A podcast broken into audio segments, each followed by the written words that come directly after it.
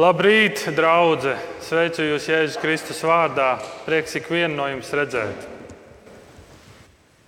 Prieks redzēt tos, kas ir noguruši. Prieks redzēt priecīgos. Prieks redzēt nomāktos. Prieks redzēt klibos. Prieks redzēt tos, kas ir veseli un kas var skriet, un prieks par tiem, kas bauda pavasari. Prieks par tiem, kas skatās no citām valstīm. Prieks par tiem, kas skatās Latvijā. Un tas, ka mēs visi kopā varam nākt, tas jau ir tāds liels brīnums, ko ir paveicis Jēzus Kristus. Bieži vien par to neaizdomājies, cik liela ģimene mēs esam. Ne tikai tie, kas esam Vīlandē, bet ar visām draugiem, kas ir Latvijā. Draugiem, kas ir citās valstīs. Brazīlija, Anglija, Amerika, Spānija un, un, un, un no kurienes vien ne, neskatās. Šodienas panti ir tie panti, kurus es lasīju, un tā ir vēstule romiešiem 4. nodaļa no 13. līdz 22. pantam. Es zinu, ka varbūt kādiem no jums varētu likties, ka, nu, ka ir augsts un tā, un tad labāk rokas turēt kopā, bet es šodien ieteiktu, turi rokās Bībeli. Vai tas ir taustām Bībeli vai telefonā, vienkārši sekotiem pantiem līdzi. Vēstule romiešiem 4. nodaļa. Un šis jautājums, mūsu šodienas jautājums, ko jau Mārtiņš eh, teica, ir, vai Ābrahāms ir arī kristiešu tēvs, vai Ābrahāms ir arī ticīgo tēvs. Un pirms mēs ejam iekšā, man ir tāds jautājums tev. Vai tev tas interesē? Tad, tad, kad es gatavojos un es ar kādiem runāju, viens no jautājumiem ir, kuram tas interesē? Vai tev interesē tas, kas notika 4000 gadus atpakaļ? Vai tev interesē tas, kas notika vecajā darbā? Kam tas interesē? Bet mēs šodien ejam cauri, mēs turpinām šo sēriju vēstulē romiešiem. Un ir šis jautājums, vai Ābrahāms ir arī ticīgo tēvs. Bet kuram tas interesē? Un reizēm ir, kā runātājiem, reizēm ir grūti runāt par to, ka tu zini, ka daudziem patiesībā tas neinteresē. Un tā ir mūsu dzīvē, ka mums bieži vien daudzas lietas neinteresē dzīvē. Līdz brīdim, līdz brīdim, kad valsts paziņo, ka viņi maksās par katru bērnu 500 eiro. Ziniet, kas notiek? Visi zvana uz VSA, vai es arī esmu iekšā, vai mani bērni arī to saņems. Līdz brīdim, kad ir jautājums par mantojumu, un tu pēkšņi jautā, pagaidi, es arī esmu šajā mantojumā iekšā. Līdz brīdim tevi sāk interesēt. Bet parasti mūs, mūs, mūs neinteresē. Mācītājs Timotejs Kellers ir viens no mācītājiem, kurus mēs bieži vien citējam šeit, sludinot priekšā. Un ir tāds digitālais žurnāls The Atlantic. Varbūt kāds no jums ir lasījis, un 7. martā tika publicēts šī mācītāja raksts. Un šajā rakstā šis mācītājs, Vārens Dieva vīrs, ļoti daudz grāmatas ir sarakstījis. Un viņš stāsta par to, ka 2020. gadā viņš jau viņš bija, viņš bija rakstījis grāmatu par lieldienām un par Kristus augšām celšanos. Un šī grāmata gandrīz jau tika, un, un laikam tajā dienā vai nākamajā dienā pēc tam, kad grāmata tika publicēta, viņš uzzināja, ka viņš ir saslimis, ka, viņa, ka viņam ir vēzis. Un viņš to uzzina, un, viņa, un viņš saka, un man uz galda stāv šī grāmata par Kristus augšām celšanos. Un viņš saka, un es nespēju šo grāmatu atvērt. Un es nespēju lasīt tos padomus, ko es dodu citiem, kas cieši sāpes. Un tad viņš šajā rakstā raksta, kas ir tie jautājumi, kas ir tie realitātes jautājumi, ko viņš uzdod sev līdz brīdim, kad ar viņu notiek kaut kas, kaut kas līdzīgs. Viņš saka, es daudziem esmu bijis palīgs un atbalsts, kad cilvēki ir gājuši cauri slimībām, kad cilvēki ir gājuši cauri uh, vē, uh, veseļošanās procesam, kad ir ķīmijterapijas un tā tālāk. Es esmu bijis pie cilvēku nāves gultām, bet tagad tas notiek ar mani. Un šis viens no jautājumiem, ko viņš uzdod, vai mana ticība šim Kristum, kurš ir augšām cēlies un kurš mani spēja augšām celt, ko šī ticība nozīmē?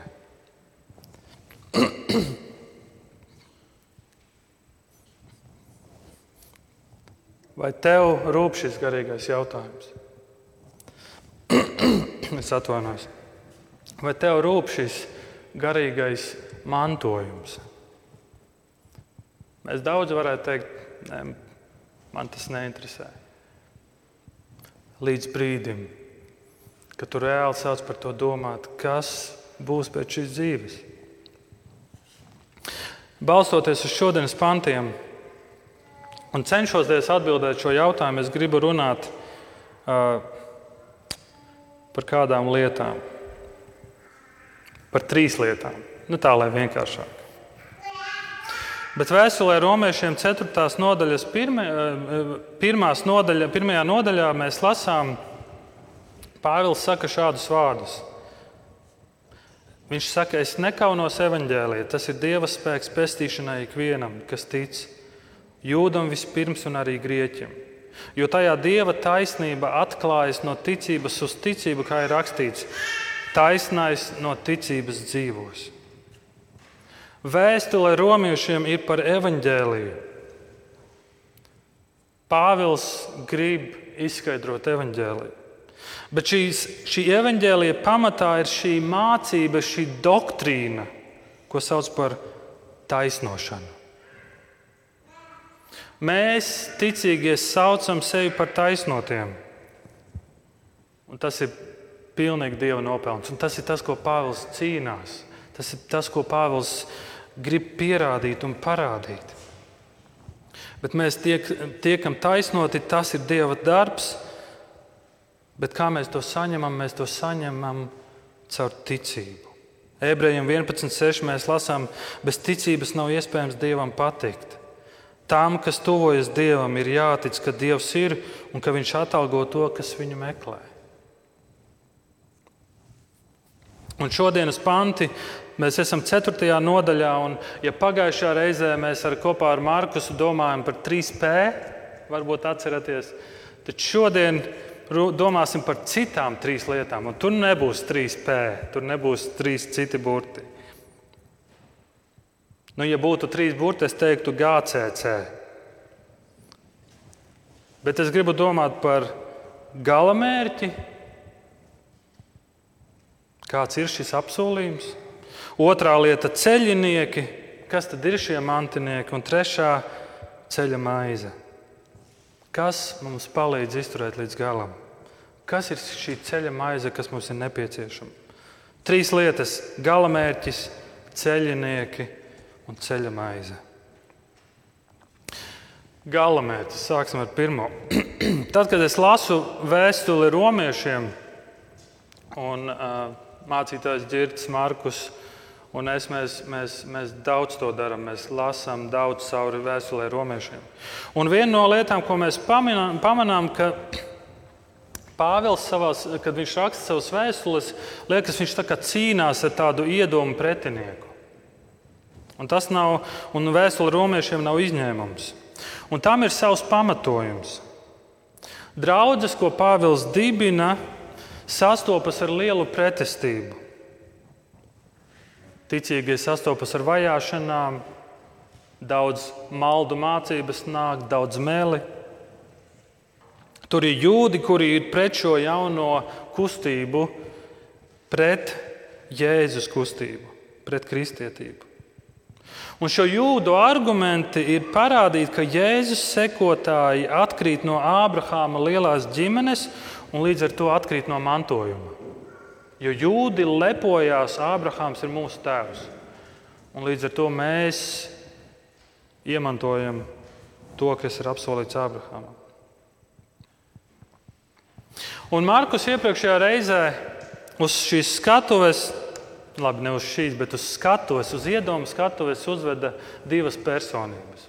Viens bija Ābrahāms, otrs bija Dāvids. Atcerieties, tie, kas klausījās vai, vai skatījās.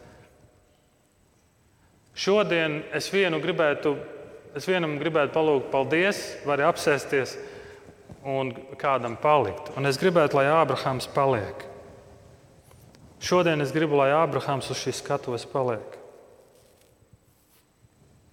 Un nevelti Pāvils to dara.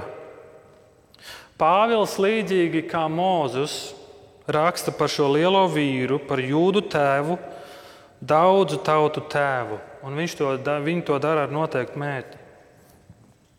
Kad Mozus raksta par Ābrahāmu, tad viņš to dara ar mērķi, lai Ābrahāma dzīves stāsts Un tas, kā viņš uzticējās Dievam, ir iedrošinājums jūdiem, kuri bija ceļā,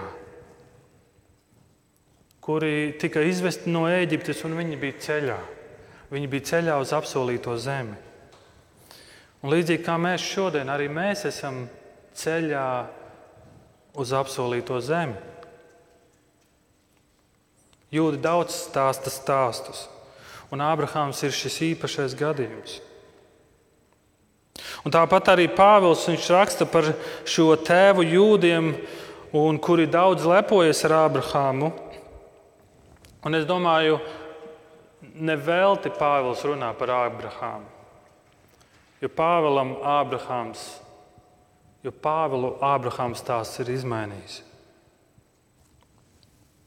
Mēs jau daudz zinām par šo vīru Ābrāmu. Sākumā viņš bija Ābrāms. Šis vārds nozīmē cildens, tēvs, augsti stāvošs tēvs. Tā ir viņa vārda nozīme. Ābrāms sākotnēji bija naturālists, elku pielūdzējs. Viņa tēva nodarbošanās bija elku pārdošana. Un Mūzus raksta, ka kaut kādā brīdī šis Ābrāms nonāk pie atziņas, ka ir visuma radītājs. Ābrāms kaut kādā brīdī tic, ka ir kāds, kuram pieder debesis un zeme. Un Ābrāms skatās kādā vakarā šajās zvaigžņotajās debesīs un redz simtiem miljonu zvaigznes, kuras pat nevar saskaitīt. Un tad viņš dzird balsi, kas uz viņu runā un saka, un šī balss saka, tikpat daudz tev būs pēcnācēju. Lai arī Ābrāmam nekādu fizisku pierādījumu nebija, Mozus mums saka, viņš zemojās Dievu priekšā un uzticējās. Un uzticējās.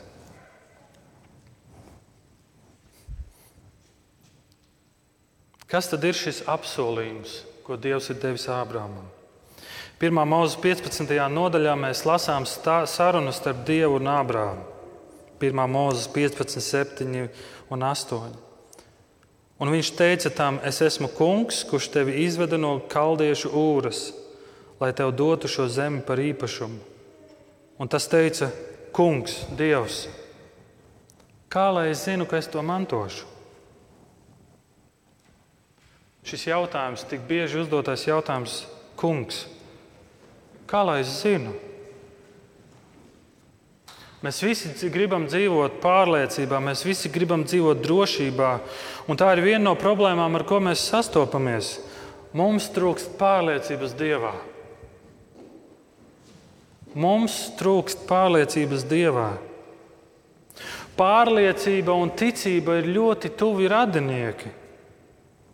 Un šis pārliecības trūkums nozog mums motivāciju un, un, un gribu pastāstīt citiem par evaņģēliju. Mums trūkst pārliecības. Ābrams jautā Dievam, kā es to zināšu? Un kāda ir Dieva atbilde? 9. pants. Un viņš tam teica: ņem man trīsgadīgu teli, trīsgadīgu kazu un trīsgadīgu aunu, dūju un balodi. Interesanti, vai ne? Dieva atbilde uz kā es to zināšu, Dievs saka, paņem šos lopiņus, atnes pārcēt viņus uz pusēm. Ko tas nozīmē? Kā šis dod pārliecību? Tajā laikā, kad divi vīri gribēja par kaut ko vienoties, tad tas notika kaut kā tā. Iedomāsimies, Iedomāsimies.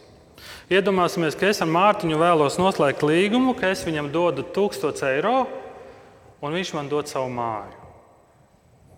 Ja laima skatās, tagad laima neuztraucies, mēs iedomājamies. Ja? Un kas tagad notiek? Kad mēs ar Mārtiņu esam vienojušies, mēs ņemam dzīvniekus, mēs pārgriežam tos uz pusēm, saliekam tādās divās rindiņās, un pa vidu ir eja.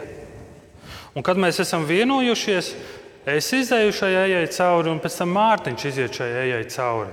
Šī ir mūsu vienošanās. Un ar šo tik grafisko rīcību, tas, ko mēs darām, mēs pasakām, ja es savu līguma daļu neizpildu, vai ja tu savu līguma daļu neizpildi, to ar mani vari darīt tieši tāpat kā ar šiem dzīvniekiem.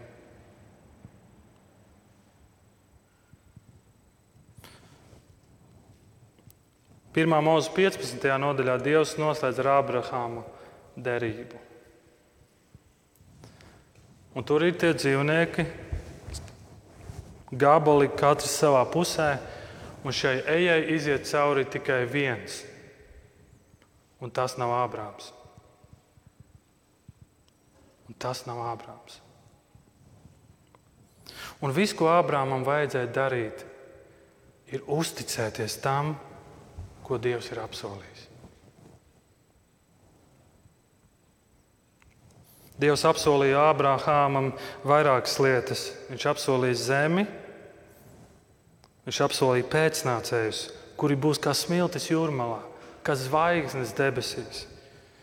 Un viņš apsolīja, ka caur tevi tiks svētītas visas tautas, caur tavu pēcnācēju tiks svētītas visas tautas. Šī nav divpusēja vienošanās, šī ir vienpusēja vienošanās. Dievs nodrošina visu no savas puses, kur Abrahamam ir jāuzticās, jāpieņem tas ticībā. Un, un romiešiem 4.13 mēs lasām, ka Pāvils atkal atkārto šo domu, ko viņš ir iepriekš teicis. Jo apsolījums Ābrahamam vai viņa pēcnācējiem saņemt mantojumā pasauli nav dots bauslībā, bet ticības taisnībā. Likums, jeb bauslība, tika dota vairākus simtus gadus pēc Ābrahāma, pēc, pēc šī apsolījuma, pēc šīs derības, ko Dievs ir noslēdzis ar viņu pēc šī apsolījuma, ko Dievs ir teicis. Un lik, tad, kad likums tika dots, tas tika dots ar noteiktu mērķi, bet nevis tāpēc, ka pēkšņi apsolījums, ko Dievs ir teicis, tiek atcelts. Likums neatceļ šo apsolījumu. Likuma mērķis ir cits. Likuma mērķis ir parādīt, kādi mēs esam cik nevarīgi mēs esam, cik ļoti Dievs mums ir vajadzīgs un kāpēc mums ir vajadzīgs atgriezties pie šī apsolījuma. Lūk, ir apsolījums Ābrahamam. Es tev došu zemi, daudz pēcnācējus, un caur tevi tiks svētītas daudzas, daudzas tautas. Skaists apsolījums. Ābrahāms šajā brīdī ir vecs un viņam nav pēcnācēji. Otrais ir ceļinieki. Un šis jautājums ir, kas tad ir šie mantojumi, kas tad ir tie, kas manto šo apsolījumu, ko Dievs ir apsolījis? Un, un tā sajūta ir, ka 14. un 15. pants saka, kas mantinieki nav. Viņš sāk ar to, lai mēs atbildētu uz jautājumu, kas tad ir šie mantinieki. Viņš saka, kas šie mantinieki nav. Un Pāvils sāk ar jautājumu, ja mantinieki ir tie, kas paļaujas uz bauslību, kas paļaujas uz likumu, uz darbiem, tad ticība nedod neko, un apsolījums ir atcelts. Bauslība rosina dusmas, bet kur nav bauslības, nav arī pārkāpuma. Un šeit mums jāsaprot viena lieta. Šeit Pāvils cīnās ar šiem pirmā gadsimta jūdiem, kuri ļoti pretojas šai Jēzus kustībai. Un kuri dēdzīgi aizstāv savu ticību un paļaušanos uz likumu, uz perfektu likumu izpildi. Un nu, vēlreiz norāda, ja tas būtu atkarīgs no likuma izpildes, tad mēs neviens nevarētu saukties mantinieki. Neviens. Ne mūsu labie darbi, ne mūsu tradīcijas, ne mūsu noteikumu izpilde, ne, tava, ne tavs DNS, ne tava piederība kristīgai ģimenei, ne tas, cik tu daudz lasi Bībeli, ne, nekas no tā nepalīdz kļūt par Ābrahāma dēlu vai meitu.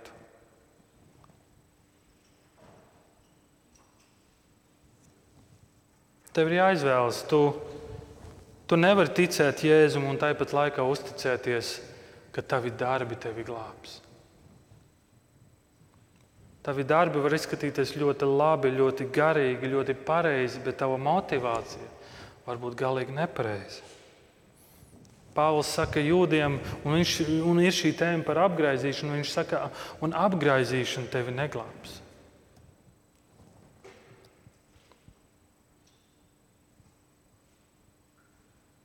Un 15.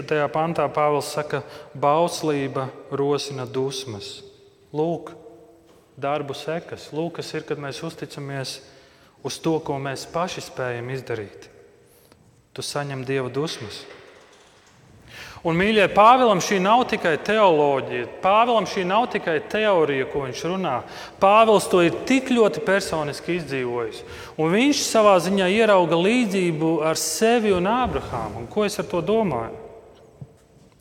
Pāvils bija, mēs zinām, Pāvils bija dedzīgs, jūts, apgaizīts, mācīts pie labiem skolotājiem un domādams, ka tādā veidā viņš iegūst šo taisnošanu. Pāvils dzīvo ar šādu pārliecību līdz brīdim, kad viņš dodas pa šo Damaskas ceļu un viņš satiek Jēzu Kristu. Un viņa dzīve pilnīgi izmainās. Un Pāvils to var apliecināt no savas dzīves, kā viņš ir paļāvies uz bauslību, kā viņš ir paļāvies uz savu miesu, uz saviem darbiem. Un to pat, pašu Pāvils redz Ābrahāma dzīvē, un viņš redz šo sarunu starp Sāru un Ābrāmu, kur Sāra saka, klausies, nu, Dievs ir devis solījumu, vai ne? Nu, lūdzu, ņem šo kalponi. Darām kaut ko, lai Dieva apsolījums izpildās. Un mēs redzam, ka kas, kāds ir rezultāts. Un patiesībā mēs varam redzēt šo stāstu, kas atkārtojas kopš Ādams un Ieva krita grēkā. Lūk, ko nodara paļaušanās uz miesu, lūk, ko nodara staigāšana miesā. Tas nodara tik lielu ļaunumu, ka mēs paši varam izdarīt secinājumus, skatoties uz vēsturi, kas ir tas rezultāts, kāpēc Ābrahāms paļāvās uz miesu šis kalpones pēcnācējs ir labs piemērs, un vēsture mums to skaidri parāda, kādas lielas problēmas tas ir radījis. Kad mēs paļaujamies uz savu miesu, rezultāts ir, ka kuģis aizbloķē visu Suecas kanālu un nekas vairs nevar plūst. Un tāpēc ir šī apgaizīšana, caur kuru Dievs, kas ir noteikti ir sāpīgs process, bet caur kuru Dievs grib kaut ko parādīt. Es kādreiz aizdomājos, apgraizīt, kāpēc apgaizīšana, kāpēc šādā veidā. Un tas simbols ir miesa tiek nogriezta un paņemta prom. Miesa tiek nogriezta un paņemta prom. Un šis kalpones dēls tiek padzīts ar kalponi prom. Un 16. pants sākas ar vārdu tādēļ. Tādēļ mantinieki ir tie, kas ticībā paļaujas uz Dievu. Lai mantojums būtu no žēlastības un apsolījums būtu drošs visiem pēcnācējiem. Ne tikai tiem, kas zem bauslības, bet arī tiem, kas Ābrahāma ticībā. Tādēļ mantinieki ir tie, kas ticībā paļaujas uz Dievu. Kas tad ir mantinieki? Visi, kas tic. Tic Dieva apsolījumam Tic, ka Dievs ir vienīgais, kurš taisno. Tic, ka tas, ko saka Dievs, piepildās. Un ir vēl viena lieta, ko es gribu, lai mēs saprotam, turpinot domāt par mantiniekiem. Pāvils vēstulē Galatiešiem 3. nodaļā, 16. pantā, saka šādus vārdus: Apsolījumi bija doti Ābrahamam un viņa dzimumam. Nav sacīts un dzimumiem, it kā par daudziem, bet sacīts ir par vienu un tavam dzimumam. Tas ir Kristum. Pirmā mūža 22. nodaļā Ābrahāms ir gatavs upurēt savu dēlu īzāku. Dievs viņu aptur, Dievs iejaucas un dod solījumu, kas svētīs viņa pēcnācēju. Daudzi Bībeles tulkojumi šo vārdu tulko pēcnācējus daudzskaitlī, bet šis vārds, ebreju vārds zera, ir izteikts vienskaitlī. Un visa 22. nodaļa norāda, ka tas ir domāts par viņa pēcnācēju īzāku. Un balstoties uz šo Pāvils mums vēlas parādīt kaut ko ļoti svarīgu. Šis apsolītais pēcnācējs, caur kuru visas tautas tiks svētītas, kurš iegūs šo zemi, un caur kuru mēs būsim Ābrahāma pēcnācēji, ir Jēzus Kristus. Vecā derība mums rāda, kā Dievs izceļ dažādas personības, kas kalpo kā īpaši mantinieki. Ābrahama dēls Īzāks, viņam bija divi dēli, Jēkabs un Nēzevs. Dievs izvēlējās vienu jēkabu kā īpašo manti, mantinieku. No jēkaba ceļas tauta, no kuras Dievs izvēlējās īpašos mantiniekus. Un pēc tam ir Mozus, kurš izveda dievu tautu no Eģiptes, un pēc tam ir Dāvids, un viņa dēli bija Ābrahāma mantojuma nesēji, un Dievs Dāvidam apsola un dod apsolījumu, ka no viņa celsies ķēniņš, kurš uzcels valstību, kurā viņš valdīs mūžīgi. Un tur redzat, šis mantojums seko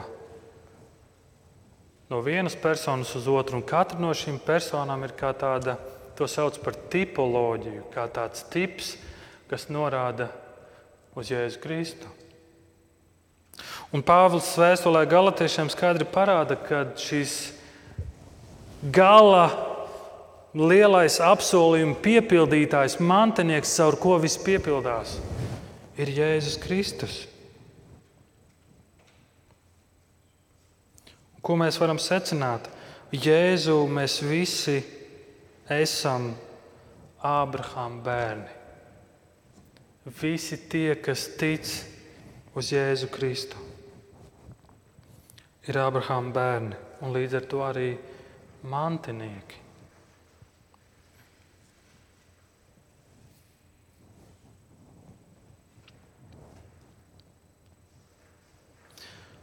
Un 16. panta beigās mēs lasām, Viņš mums visiem ir tēvs.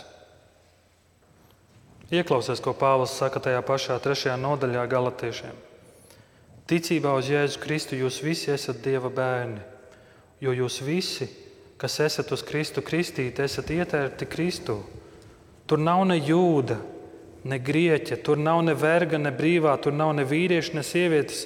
Jūs visi esat viens Jēzu Kristu. Un ja jūs piedarat Kristum, jūs esat Ābrahāma pēcnācēji, mantinieki pēc apsolījuma. Šajā telpā atrodas daudzi Ābrahāma bērni. Nevis etnisku iemeslu dēļ, nevis darbu dēļ, nevis panākumu dēļ, bet tādēļ, ka Dievs ir uzticams un ka Viņš spēja taisnot, pazud, taisnot pazudušo. Un tad trešais punkts ir ceļa maize. Kas tad ir tas, kas mums dod spēku, kā ceļniekiem doties uz šo apsolīto zemi?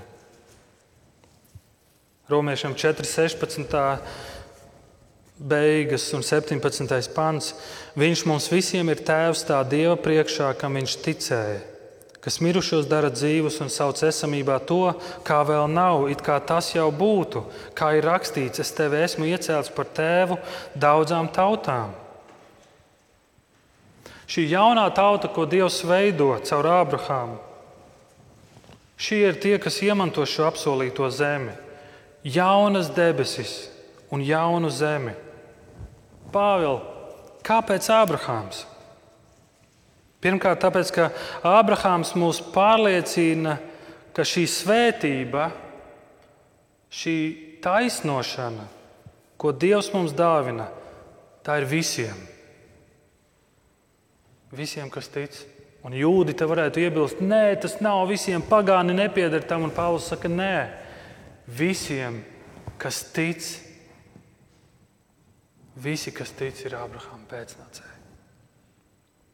Un Ābrahāma piemērs mūs pārliecina, ka šīs svētības garantija ir pats Dievs.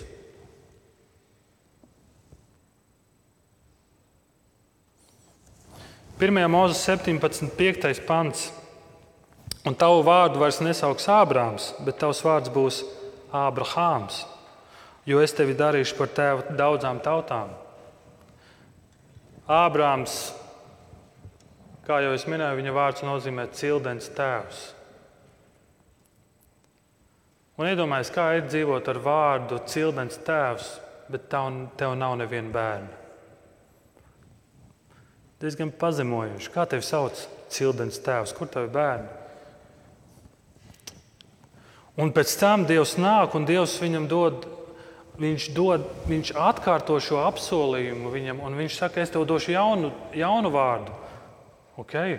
Abrahāms. Tu zini, ko nozīmē šis vārds? Tēvs pār daudzām tautām.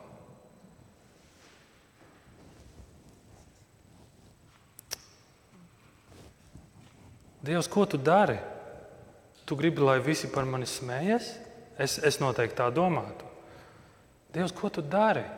Kāpēc tu tā rīkojies? Tu dod man vārdu Ābrahāms, bet man nav neviena pēcnāca. Un starp citu, es esmu vecs, mana sieva jaunībā bija ļoti skaista, bet mana sieva ir neauglīga.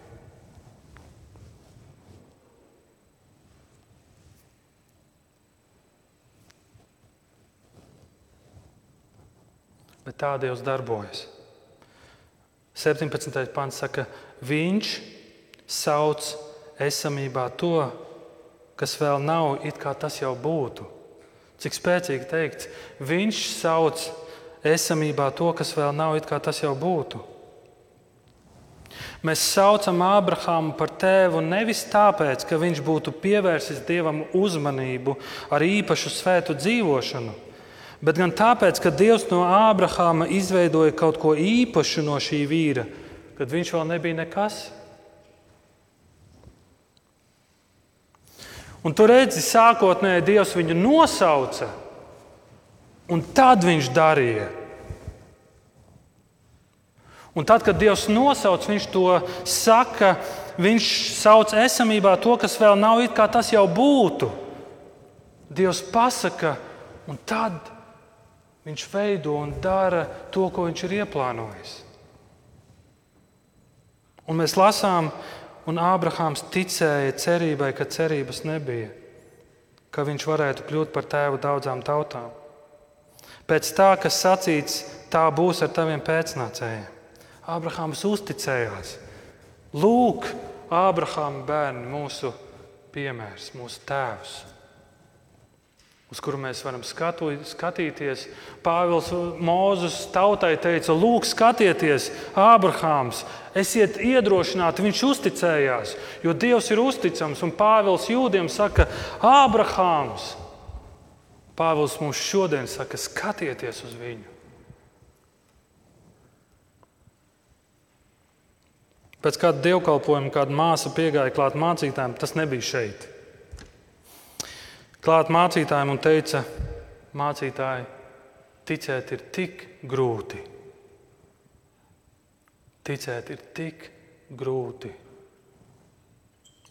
Uz ko mācītājs atbildēja ar pretjautājumu: Ticēt kam? Ticēt kam? Ja tu saki, ticēt ir tik grūti, ticēt kam? Ticība, mīļie, nav sevis pārliecināšana. Ticībai ir objekts. Ticība ir kaut kas, uz ko mēs liekam savu cerību. Daudzi saka, kā es vēlētos, lai man būtu tā, tava ticība. Kaut man būtu tāda ticība kā tev. Bet, kad Bībele runā par ticību, tas, tas nav par piedzīvojumu vai iekšējām emocijām, bet par ārēju objektu, uz kuru es paļaujos. Un, ja godīgi vārds ticība nevienmēr mums palīdz, bet katru reizi, kad tu dzirdi vārdu ticība, es gribu, lai tu domā uzticēties, paļauties, būt atkarīgam no. Uzticēties. Ticība nozīmē, es uzticos tam, ko tu esi teicis. Es uzticos. Es neredzu, es nesaprotu, es uzticos. Kāpēc? Jo tu esi uzticams. Tu esi uzticams. 17. parāda, kā mūsu tēvs Ābrahāms ticēja Dievam, kurš spēja darīt atkal dzīvu. Viņš ticēja Dievam, kurš spēja atkal darīt dzīvu.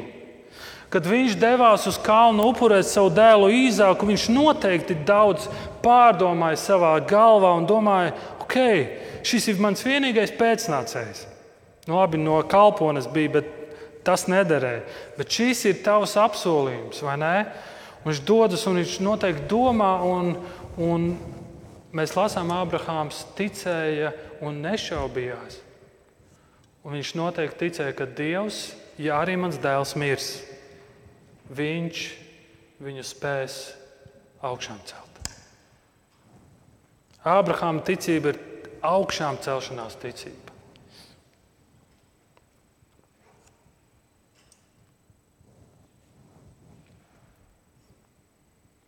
Mēs šodien atrodamies ja tādā lielā bildē skatoties otrpus krustam. Mēs šobrīd atrodamies vietā, kur mēs šos visus stāstus zinām. Mēs tik daudz lasām, mēs tik daudz varam pārdomāt. Un tad, kad Ābrahāms ved savu īzāku uz upurēt, mēs zinām rezultātu. Tad, kad viņi bija veci vai nē, un Dievs deva apsolījumu, jums būs pēcnācējs. Mēs zinām rezultātu, ka Dievs, Dievs darīs, bet viņi tad nezināja. Bet viņi uzticējās, viņi ticīja, ticēja un paļāvās. Cik daudz vairāk šodien mums ir šī informācija, kurai būtu jādod šo pārliecību daudz lielāku.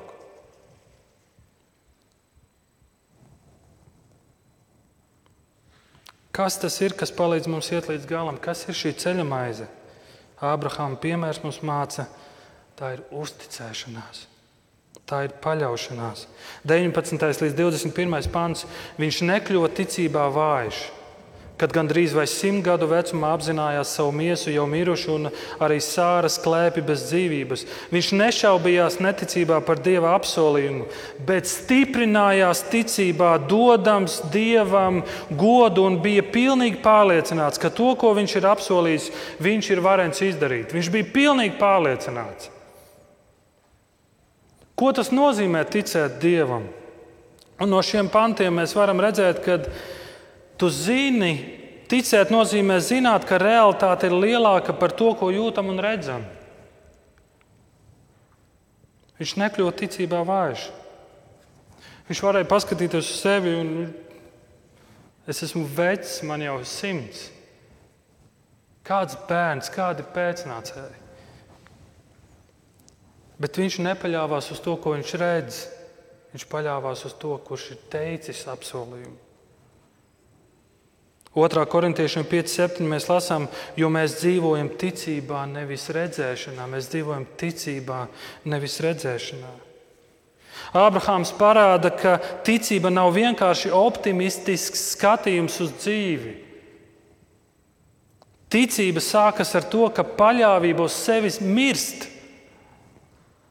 Tas ir kaut kas, par spīti mūsu vājībām, par spīti mūsu sajūtām, par spīti mūsu pieņēmumiem.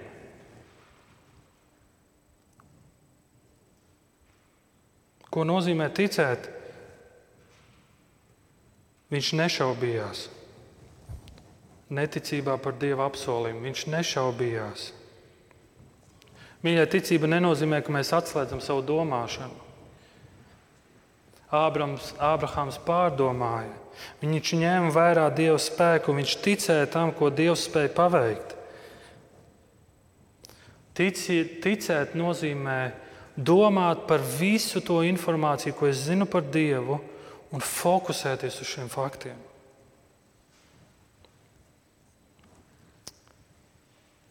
Renē Descartes, matemātiķis, metafiziķis un analītiskās geometrijas tēvs.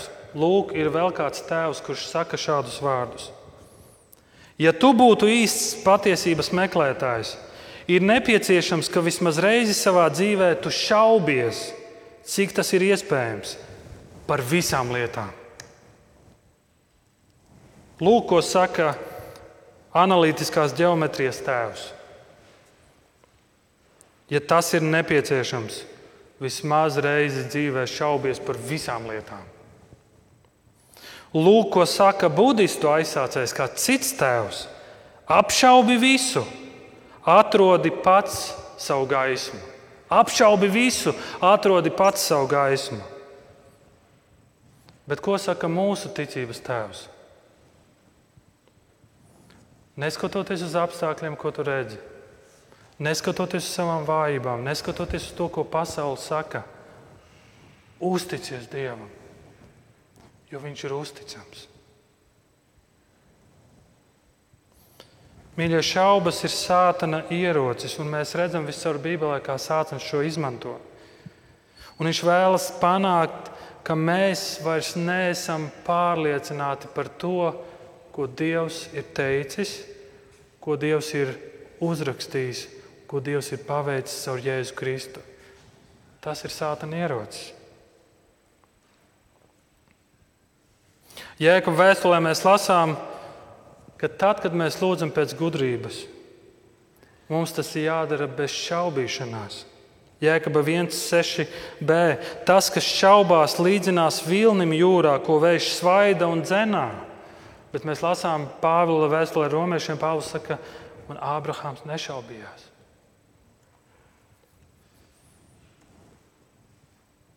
Viņš nešaubījās neticībā par Dieva apsolījumu, bet stiprinājās ticībā. Un tāpēc šis aicinājums stiprinieties ticībā, stiprinies ticībā.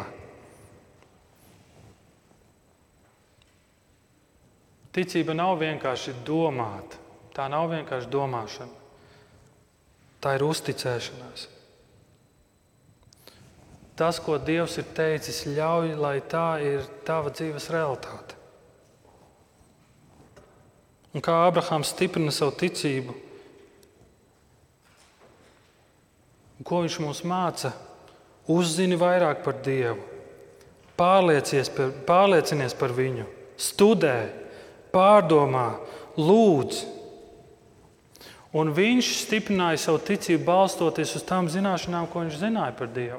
Tāpēc meklē viņu, stiprinies, stiprini savu ticību. Rīkojies balstoties uz Dieva apsolījumiem, pat tad, kad tas ir grūti. Rīkojies, ja Dievs ir kaut ko teicis un Viņš tev aicina ko darīt, uzticies un rīkojies. Stiprini savu ticību. Un tādēļ 22. pants tas viņam tika pieskaitīts par taisnību. Likums mums parāda, cik taisnīga ir Dieva tiesa par mūsu grēku. Un tas nozīmē, ka ik viens, kurš grib tapt taisnots, tev ir nepieciešams cits ceļš. Likuma ceļš neder, tavi darbi neder ir nepieciešama uzticēšanās Dievam un tam, ko Viņš ir paveicis ar Jēzu Kristu. Uzticies šim krustam.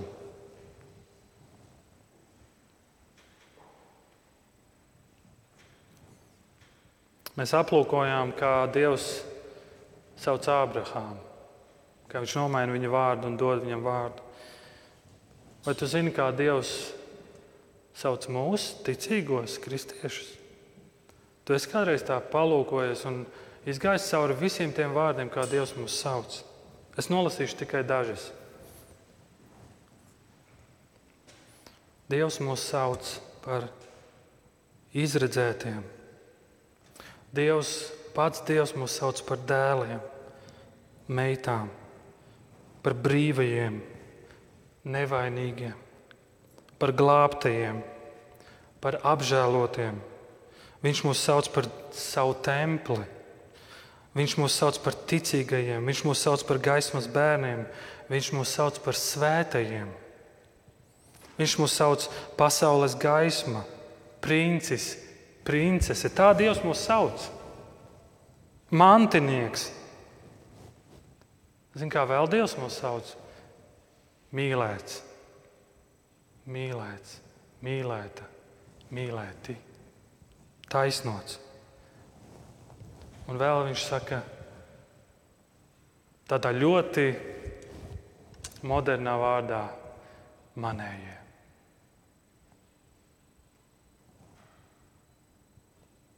Neviens nav pārāk slikts šai dāvanai.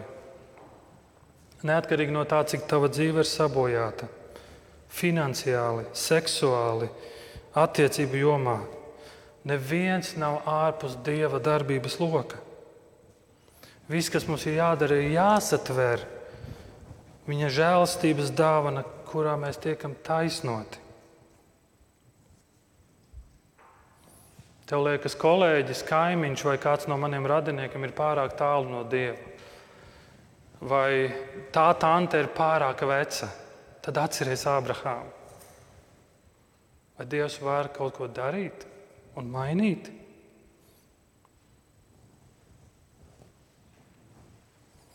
Starp mums un viņiem nekas nemainās, tāpat kā mums ir jānes savs grēks. Arī visiem tiem, kas vēl netic, viņiem ir jānes savs grēks. Neviens nav par vecu, lai Dievs lietotu vai lai glābtu.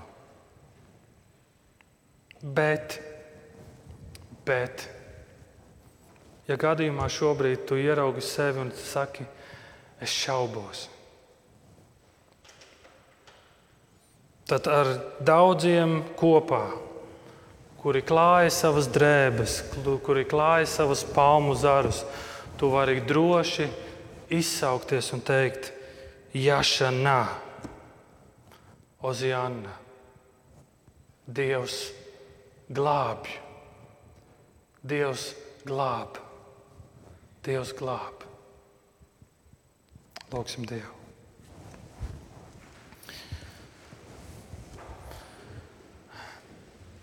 Devis Tēvs, paldies Tev par Tavu vārdu šodien. Un, uh, Tavs vārds ir daudz, daudz dziļāks, kā mēs spējam iztēloties vai iedomāties. Un tas apsolījums, ko tu esi Ābrahamam devis, tas ir tik īpašs. Piedod, ka mēs bieži vien šajā mantojumā neieskatāmies. Kad mēs būvējam māju, mēs ieskatāmies skicēs. Mēs gribam būt, lai viss notiek pēc plāna. Bet bieži vien šajā apsolījumā mēs neieskatāmies. Palīdz, lai šis jautājums par to, vai es esmu taisnots, ir svarīgākais jautājums mūsu dzīvē. Un palīdz Dievs, ka mēs tāpat kā Abrahāms uzticējās tavam apsolījumam, ka mēs pilnībā uzticamies tam, kurš apsolījumu ir piepildījis. Tas mīļais dēls Jēzus Kristus. Jēzu, paldies, ka tu sauc mūs par savējiem. Stiprini mūsu ticību. Mēs šodien ar daudziem citiem gribam izsaukties un teikt, Oziāna, tu esi glābējs. Glāb mūs. Ja es tavā vārdā.